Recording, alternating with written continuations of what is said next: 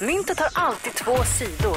Här kommer fördelar och nackdelar enligt Peter Sandholt. Just det, och eh, fördelar och nackdelar eh, och det handlar ju om att äga lite olika saker och alla vet ju kanske hur det är att äga kanske en påse morötter eller en platt-tv. Utan jag går in på mer, lite mer osannolika saker, liksom som en, eh, som en ren eh, tankevurpa. Och idag så är det fördelar och nackdelar med att äga och köra en 154 meters lång begagnad atomdriven ubåt. Ja, Och jag börjar med fördelarna. Nummer ett, gamla Bettan behöver inte tankas på ett tag. De räcker, det räcker ju långt de här eh, stavarna som man eh, körde med då. Smidigt. Nummer två, du konkurrerar inte med någon i Smögens gästhamn. Det är bara att braka in. Och nummer tre, segelviktigpetrarna gormar inget om vem som ska väja i den trånga passagen när dina 154 meter stål med torpedhål i ytläge talar för sig själv. Nej, det är ju helt det sant är bra du säger. fördelar. Ja.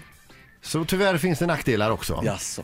Nummer ett, det kan eh, skaka illa om en kaskelott fattar tycke och försöker para sig med en ubåt. Nummer två, jobbiga green, eh, Greenpeace-kids kan käbbla om din lilla kärnreaktor du har ombord. Och nummer tre, nästan det värsta, sjunkbomber. Ja, det är bra Peter! Det är mycket bra! Thank you! Ja, men det är ju helt, allt du säger här är ju sant. Ja. Alltså du har ju verkligen tänkt till här Sandholt. Ja men det är ju inget jidder utan... Eh, Det här har han ju suttit och tänkt på ändå. Han behövde ju inte det här programinslaget utan han har ju suttit själv på sin kammare och funderat över det här ändå, eller hur? visst. Ja, det här är säkert jag har mycket sånt här i mitt huvud. Ja, det är det vi vet. Och vi är tacksamma för att du bjuder på det också. Nästa fredag är det dags igen.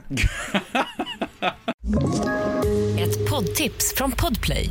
I fallen jag aldrig glömmer djupdyker Hasse Aro i arbetet bakom några av Sveriges mest uppseendeväckande brottsutredningar. Går vi in med hemlig telefonavlyssning och, och då upplever vi att vi får en total förändring av hans beteende. Vad är det som händer nu? Vem är det som läcker?